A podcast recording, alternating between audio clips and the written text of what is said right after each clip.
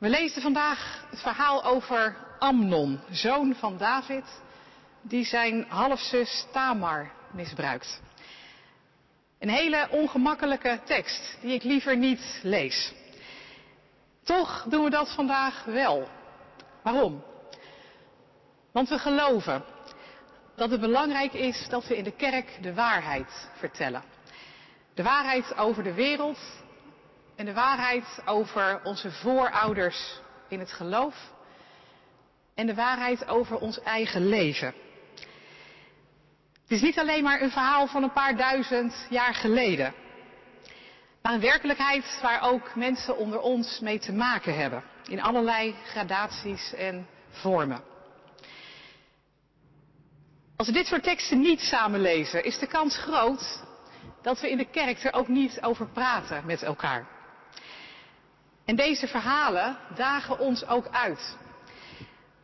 Kunnen we iets vinden van het evangelie, ook op zulke donkere bladzijden? Iets wat wijst naar Jezus. Als we dit soort teksten niet samen lezen, missen we de gelegenheid om te zien en te horen wat God juist daardoorheen zegt. Dus we gaan het lezen en ik hoop dat je meedoet. Tegelijk is het ook goed om te beseffen dat een preek en een dienst nooit een eenrichtingsverkeer is. Het is niet een prediker die een verhaal uitstort over de gemeente en je moet maar zien wat je ermee doet. We gaan samen een verhaal binnen. En dat doen we altijd vanuit onze eigen ervaringen. Daarom vind ik het ook belangrijk om te zeggen dat als dit voor jou niet het goede moment is daarvoor, of de goede plek, voel je vrij om in de bank of wat anders te doen, je oortjes in te doen van je telefoon, iets anders te lezen. Desnoods vraag je buurman om even je aan te stoten als de preek over is en je weer aanhaakt bij het vervolg. En als je wilt horen wat de Bijbel zegt over deze ervaringen, blijf. We gaan dus lezen over Amnon en Tamar. Een verhaal over onrecht, doofpotten en de wereld waar Jezus in kwam om die te verlossen. 2 Samuel 13 lezen we. En ik lees het uit de herziene statenvertaling. Daarna gebeurde het volgende. Absalom, de zoon van David, had een knappe zuster en haar naam was Tamar. En Amnon, de zoon van David, kreeg haar lief. Amnon leed om zijn zuster Tamar tot hij er ziek van werd. Want ze was maagd, zodat het in de ogen van Amnon moeilijk was haar iets aan te doen. Maar Amnon had een vriend van wie de naam Jonadab was. Een zoon van Simea, een broer van David. Jonadab was een heel wijze man. Gochem staat er. Die zei tegen hem, waarom ben je er morgen na morgen zo ellendig aan toe, zoon van de koning? Zou je het mij niet vertellen? Toen zei Amnon tegen hem, ik heb Tamar, de zuster van mijn broer Absalom, lief. Jonadab zei tegen hem, ga op je slaapplaats liggen en houd je ziek. Als je vader dan komt om naar je te kijken, moet je tegen hem zeggen, laat mijn zuster Tamar toch komen om mij brood te doen eten. Als zij voor mijn ogen eten klaarmaakt, zodat ik het kan zien, zal ik het uit haar hand eten. Amnon ging liggen en hield zich ziek. Toen de koning kwam om naar hem te kijken, zei Amnon tegen de koning. Laat mijn zuster Tamar toch komen en twee koeken voor mijn ogen klaarmaken, zodat ik die uit haar hand kan eten. Toen stuurde David een bode naar Tamar in het huis om te zeggen, ga toch naar het huis van je broer Amnon en maak eten voor hem klaar. Tamar ging naar het huis van haar broer Amnon terwijl hij daar lag. Ze nam deeg, kneedde het, maakte voor zijn ogen koeken en bakte die koeken. Daarop nam zij de pan en schudde die voor hem leeg. Maar hij weigerde te eten. En Amnon zei, laat iedereen bij mij weggaan. Iedereen ging toen bij hem weg.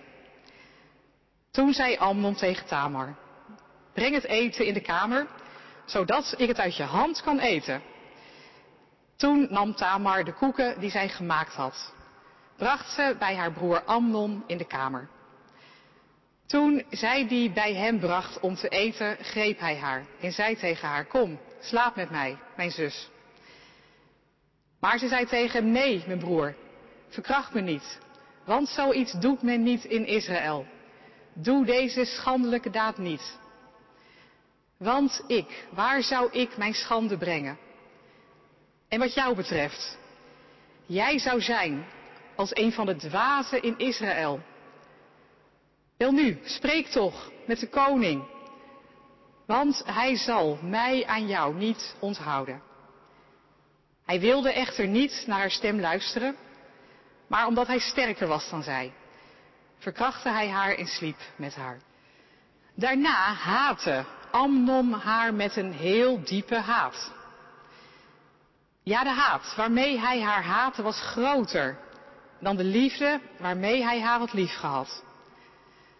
Amnon zei tegen haar, sta op, ga weg. Toen zei zij tegen hem, er zijn geen redenen om mij weg te sturen. Dit kwaad zou groter zijn dan het andere dat je mij aangedaan hebt. Maar hij wilde niet naar haar luisteren. Hij riep zijn knecht, zijn bediende, en zei, stuur die vrouw toch bij me vandaan, naar buiten, en doe de deur achter haar op slot. Ze had een veelkleurig gewaad aan, want dat droegen de dochters van de koning, die nog maagd waren, als bovenkleed. Zijn bediende bracht haar naar buiten en deed de deur achter haar op slot. Toen deed Tamar as op haar hoofd, scheurde het veelkleurige gewaad dat ze aan had, legde haar hand op haar hoofd en liep al schreeuwend weg. Haar broer Absalom zei tegen haar, is je broertje Amnon bij je geweest? Nu dan, zus van mij, zwijg erover. Hij is je broer.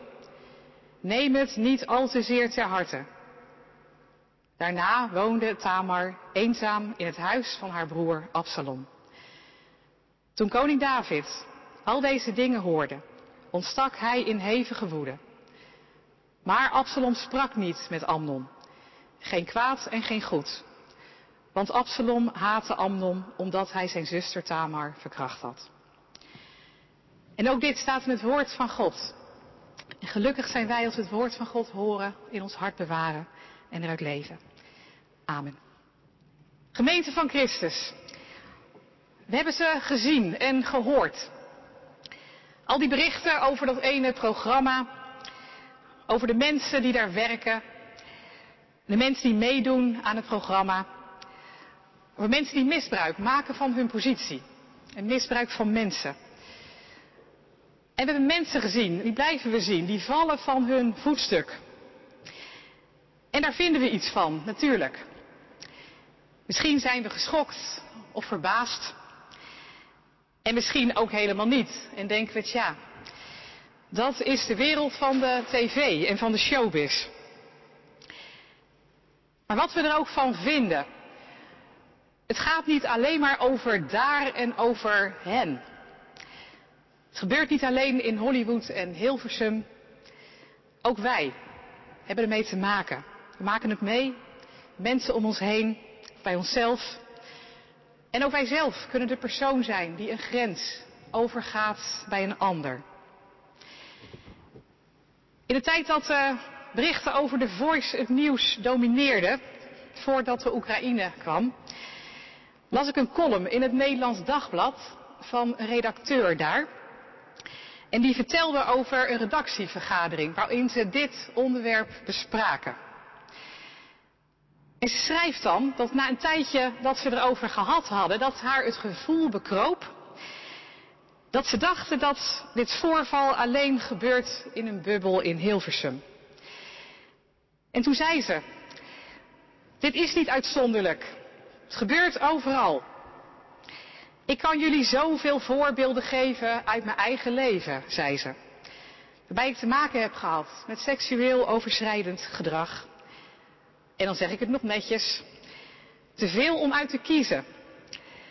Ja, ik heb ook te maken gehad, zegt ze, met vingers op allerlei plekken. En met meerdere vriendinnen die zijn misbruikt. Niet een paar, het zijn er veel. Het is de realiteit van veel vrouwen. Einde citaat. Ook onder ons zijn mensen die dit hebben meegemaakt of meemaken. Op allerlei manieren.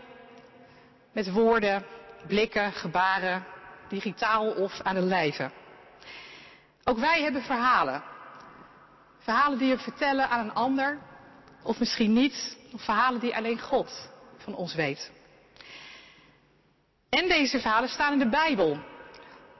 Ontluisterende verhalen.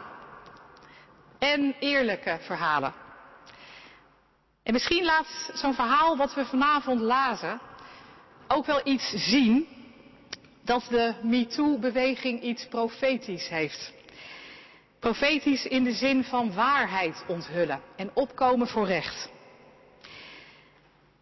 In de Bijbel zijn veel stemmen te horen, veel verhalen. Ook deze verhalen over onrecht en mensen die daarvoor opkomen, heldhaftig. En waarin God voor mensen opkomt. Het verhaal van Amnon en Tamar, ongemakkelijk, zeer ongemakkelijk. Het begint met de woorden enige tijd later, want er is iets aan vooraf gegaan. We beginnen niet op een nulpunt.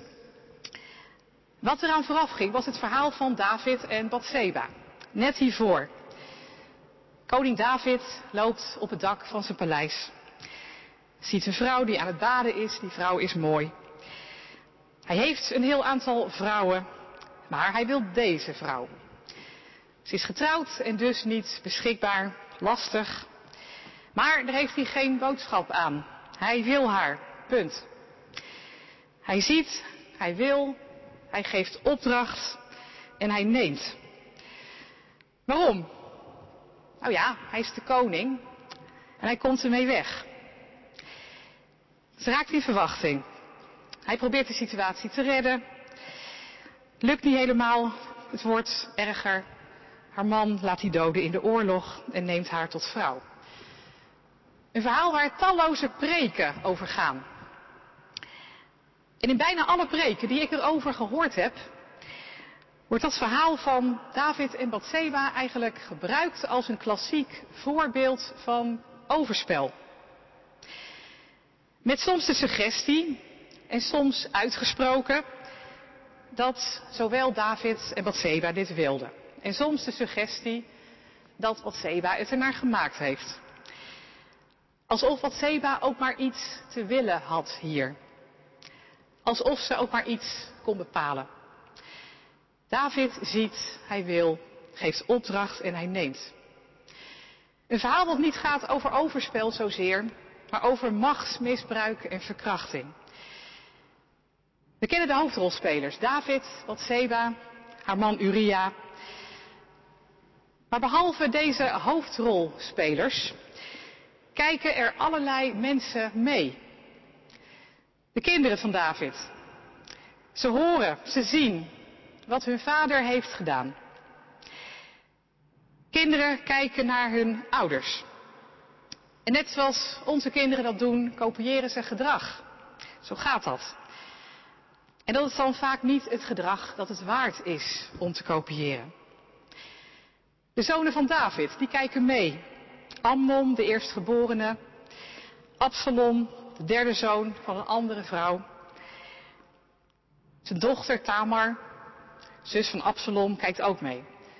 Ze weten allemaal wat er is gebeurd. Onze vader wilde een vrouw, dus hij nam haar, want hij kon het maken, hij had de macht. En hij zit nog steeds op de troon.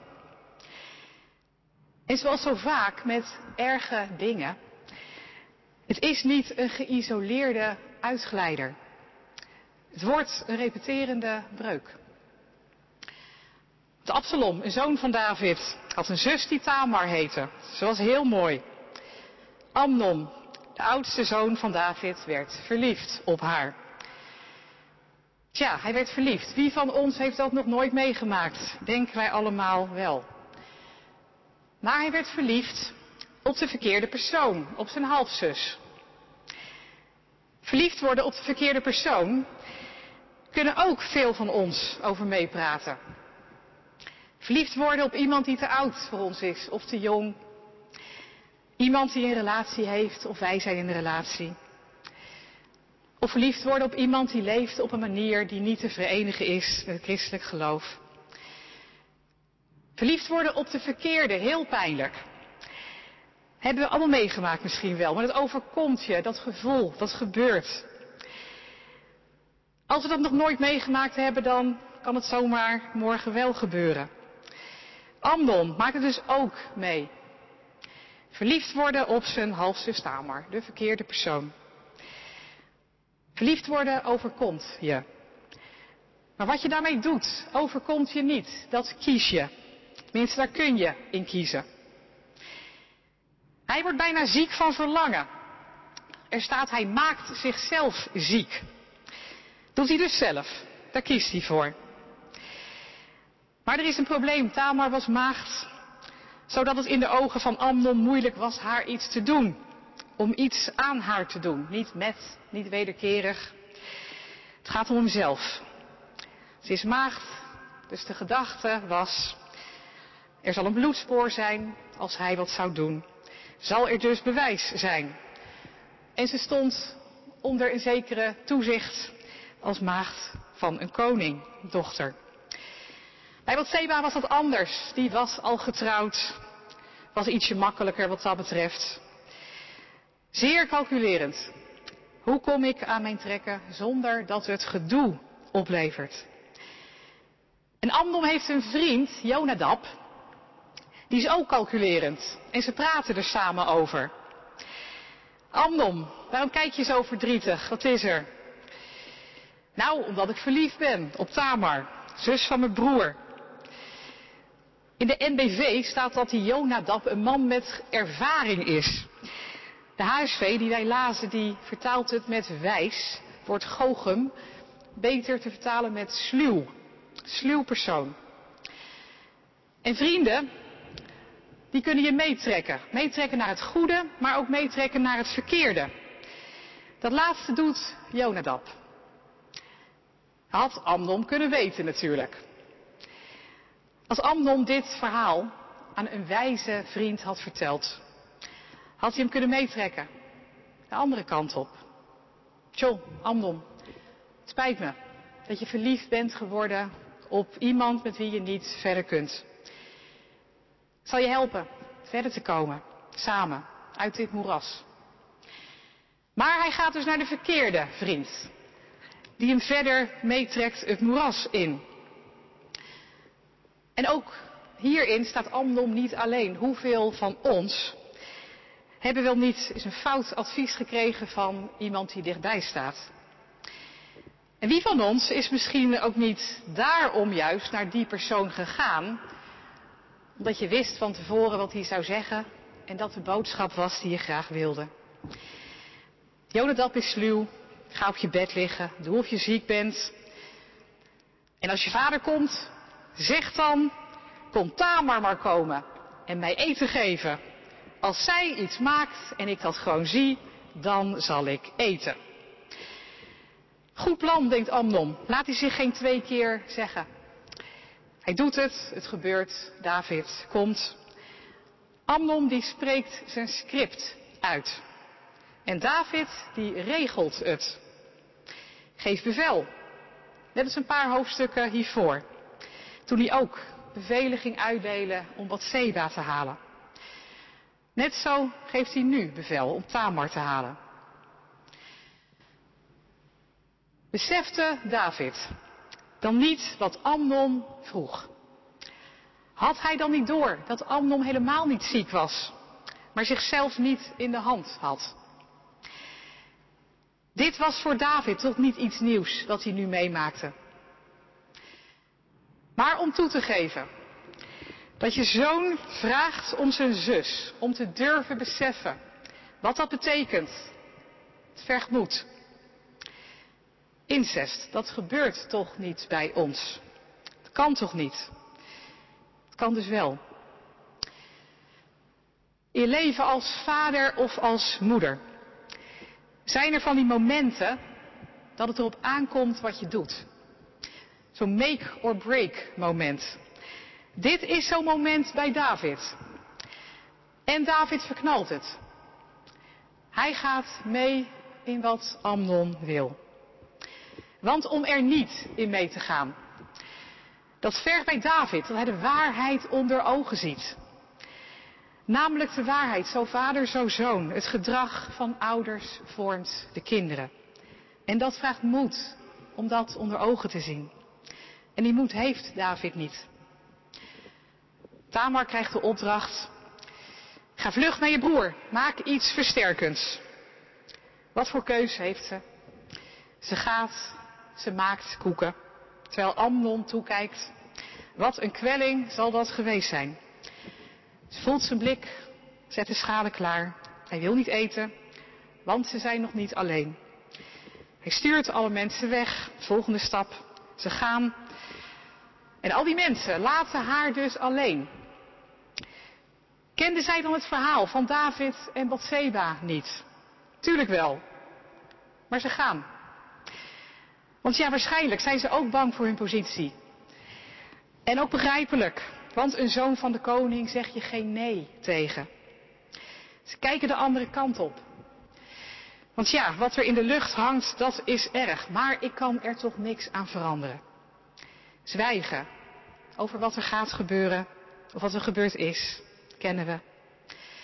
We zijn bang, zo vaak, voor de gevolgen, voor anderen, maar ook voor onszelf.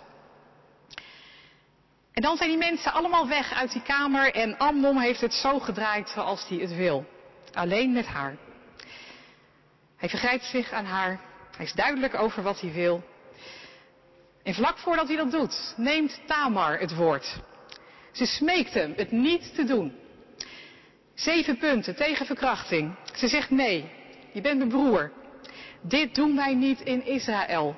Zo zijn we niet. Dit is schandelijk. Wat gaat er van mij worden? Wat gaat er van jou worden? Heel Israël zal schande van je spreken. Praat met de koning. Het is opmerkelijk, want in de hele geschiedenis van David en Bathseba horen we da Bathseba geen woord zeggen, Tamar wel. Ze neemt het woord. En hoe? Maar Amnon luistert niet, hij doet wat hij wil.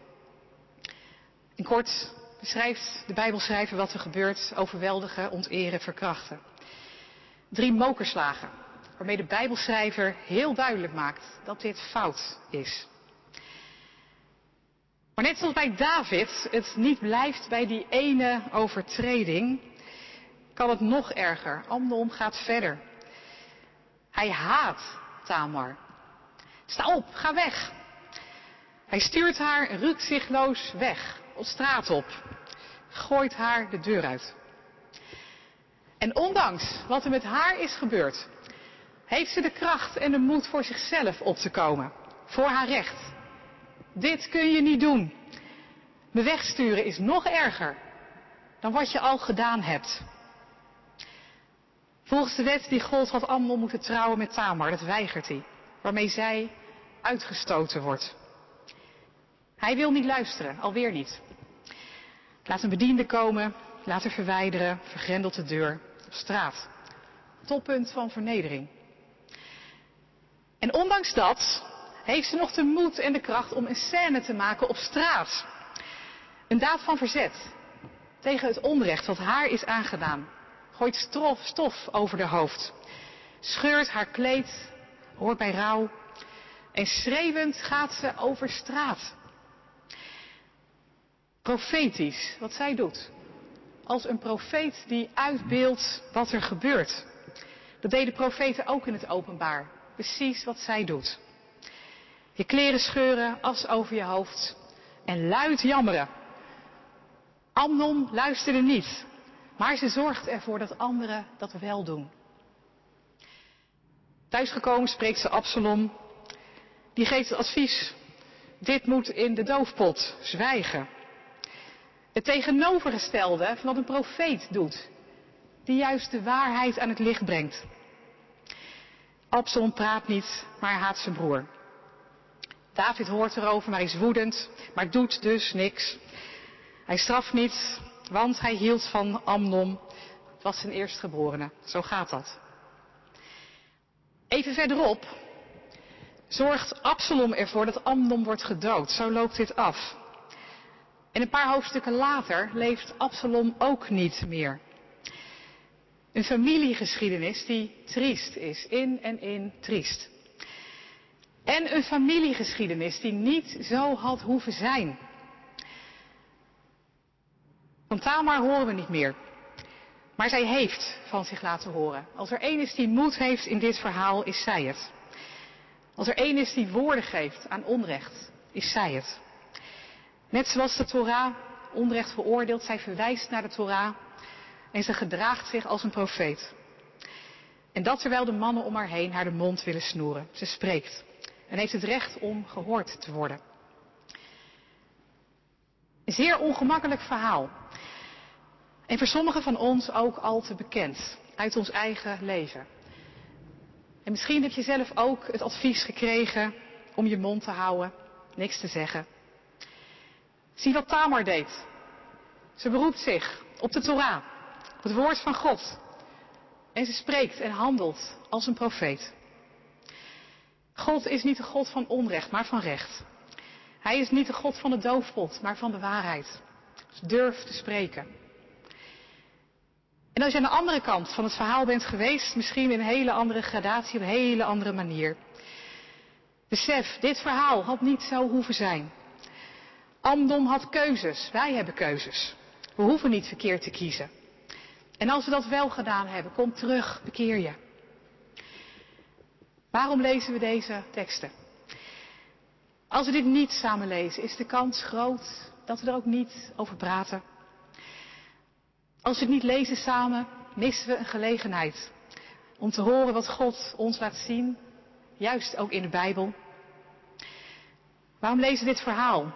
Om te leren dat er geen plek is in ons leven waar het woord van God niet kan komen.